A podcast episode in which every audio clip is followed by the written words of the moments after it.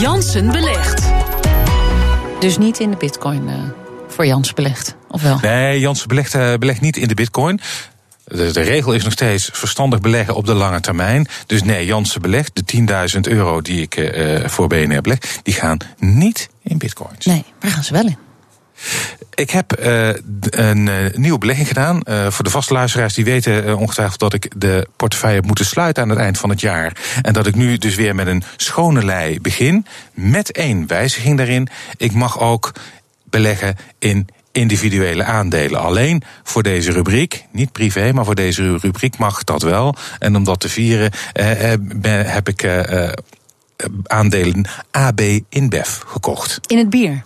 In het bier. Ja, niet zomaar bier. Het is de allergrootste brouwer ter wereld. Ik geloof dat één op de drie biertjes die in de wereld worden gedronken, die komen van uh, AB InBev. En um, ik dacht, laat ik, dat, dat lijkt me wel een mooie belegging. Want op lange termijn een. Uh...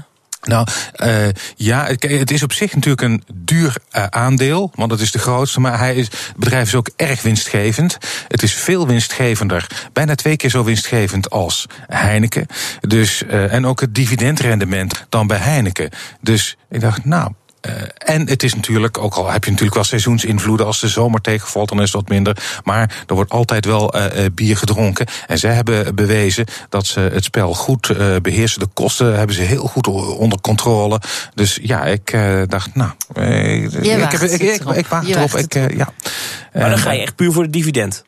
Nou, onder, ja, ook voor dividend, maar ik ga er ook al vanuit dat de koers ook wel ja, in, de, in, de, in de toekomst uh, verder zal stijgen. Ja, absoluut. Hey Rob, en uh, ga je echt alleen voor het geld of kijk je ook nog een beetje van zo'n bedrijf? Vind ik dat nou een uh, oké okay bedrijf? Of gaan ze goed met de werknemers om? Of ik, ik zeg maar wat. Nou, ik vind. Ik, ik, voor bier vind ik dat geen uh, probleem. Ik vind uh, uh, bijvoorbeeld sigaretten. Je, je, kan nog steeds beleggen in sigarettenfabrikanten. Dat zal ik niet doen. Um, Kernwapens? Kernwapens, nee. Ik ga niet in de, in de wapenindustrie.